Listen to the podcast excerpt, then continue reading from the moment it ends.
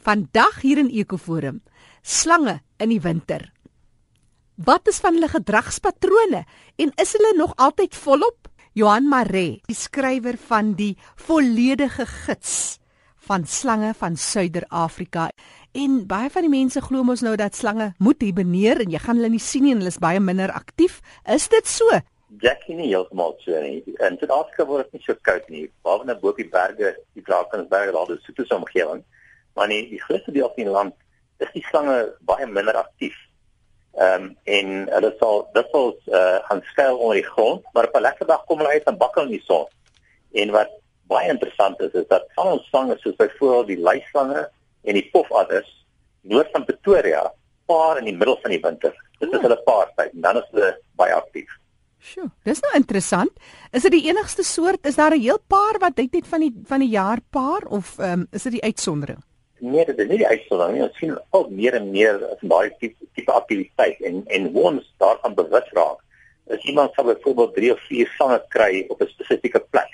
Kom ons sê byvoorbeeld pofadders en dan wat daar gebeur is die wyfie ehm um, sy stel feromone vry en die mannetjies volg die wyfie. So die wyfie gaan ergens sit en voor jy weet is daar 3, 4 of 5 mannetjies wat daar aankom en dan kom mense af op 'n hele paar sange op een slag en dan weet ons dat dit paringsgedrag is.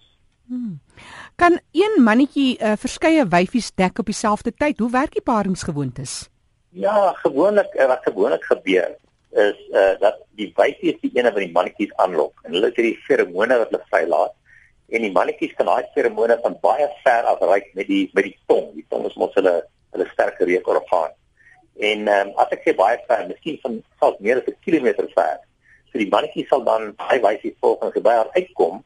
Is daar dikwels is twee gevegte. In Engels praat hulle van male combat. En ons sien dit baie dikwels in sange so swart mambas, die boomslang, die pofadders, maar die mannetjies dan bietjie beklei, hulle stoei bietjie en in sommige sange soos die bolslang, hulle mekaar self byt en redelik ordentlik byt, die bloed loop. En as die sterkste mannetjie nou een weer vir die paar werk doen, uh, hy sal die wyfie vaar dit dan op 'n paar ure duur en dan uh, dan gaan sy nou op haar pad en dan sal sy nou later uh, die die eiers lê op geboorte skenk aan aan die lewende kleintjies. Maar wat ook baie interessant is van die paringsgedrag is dat die wyfies ehm um, kan verskeie uh klompe eiers lê uh maand uit mekaar uit van een bevrugtiging van 'n mannetjie. Is dit nou 'n uh, oorlewings uh, metodes of hoe, hoe waar skryf julle dit toe? Ja, dit is maar dit dit dit is dit is nou oorlewingsmetode want as daai wyfie nou nie weer by 'n mannetjie uitkom nie, daar selfs gevalle wat die wyfie een keer kan paar as vir die jaar haar eiers lê en uh, vrugbare eiers en oor 'n jaar sou sy weer vrugbare eiers lê. So dit gaan maar oor oorlewing. Johan, maar ons het nou afgedwaal. Ons wou 'n bietjie gepraat het oor slange in die winter. Vertel ons meer oor die gewoontes in die tyd. Ja.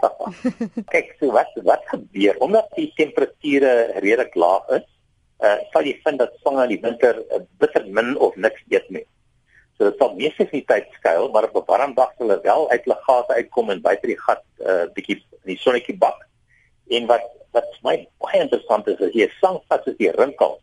Hulle die vermoë om in die middel van die winter as hulle in die sonnetjie lê en bak. Kom ons sê die temperatuur is wag as jy by 324 grade Celsius maksimum.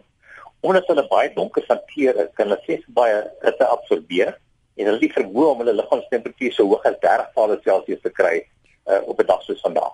Wat uh, dit is dit is baie baie interessant. Wat hulle doen, uh, wanneer ons praat van van 'n uh, maksimum temperatuur van 24 grade, dit is net maar die gemiddelde temperatuur in die skaduwee. Mm. Maar wat die slang doen is hulle sal byvoorbeeld hulle baie donker teer sodat absorbeer hitte baie maklik en dan sal hulle lyf breed maak dat daar meer 'n groter deel lyf blootgestel word aan die son hulle so die uh, maksimale hoeveelheid uh, hitte kan kan inneem.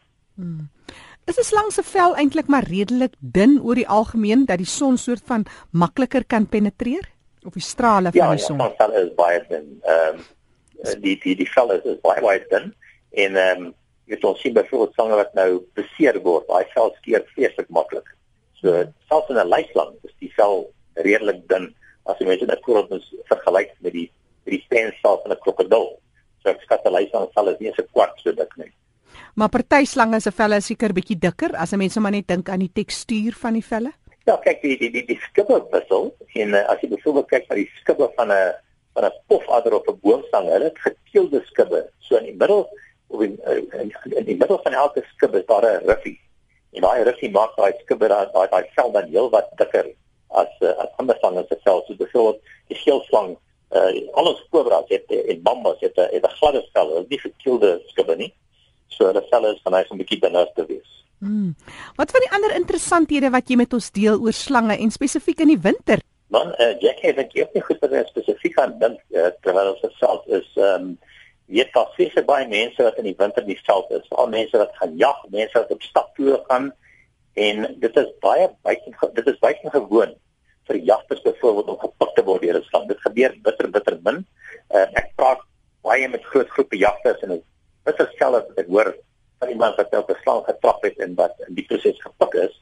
En ehm um, ons het uh, onlangs uh, daar die universiteit van Witwatersrand reeds navorsing gedoen op pofvallers spesifiek want dit is nou die slang wat wat wat baie lui is, hulle beweeg nie maklik op jou pad uit nie. En uh daar wat gewonder hoekom meer jagters nou nie deur die poppers gepik word nie. En ehm um, wat daar gebeur met die poppers is dat hulle hulle maak op hulle kamouflering staat om mense te vermy en as 'n popvatter in die veld wegkruip in die gras of tussen blare en jy trap op hom, het ons gevind dat daai popvatter glad nie sal byt nie. Dit is baie meer dit meer belangrik vir hulle om doodstil te lê en nie te blaas of pik en hoop te jy verbystap as hulle gaan vir hulle wees om om, om dan te pik. En daar was ehm uh, seker eksperimente gedoen waar op sommige getrap is met 'n uh met 'n stewel vol klippe. En in nie een van die gevalle het een van die poppers gepik nie. Dis interessant. So daai ou storie van die slang is eintlik ja, die slang is eintlik maar banger vir jou as jy vir hom. So hy wil maar eintlik net uit jou pad uitkom en so stil as moontlik bly. Daar's geen absoluut geen twyfel daaraan nie. Dit is selfs kyk aan die gif van slange. Slanggif het glad nie ontwikkel vir selfverdediging nie. Om die waarheid te sê, dit is baie oneffektief vir selfverdediging. En uh, waar wat so sê, indien 'n mens gepik word, kom ons sê deur 'n mamba of 'n kobra of 'n adder, of geen slang in die wêreld jou binne 5 of 10 minute kan doodmaak nie. So pik daai slang jou, is daar nog oor genoeg tyd om stop te gaan en slang dood te maak. Johan Maree wat so lekker gesels oor slange. Hy is 'n kenner op die gebied en skrywer van die boek Volledige Gids van Slange van Suider-Afrika. En hy het my vertel dat die slang se gif is eintlik daar om te help met die vertering van sy voedsel.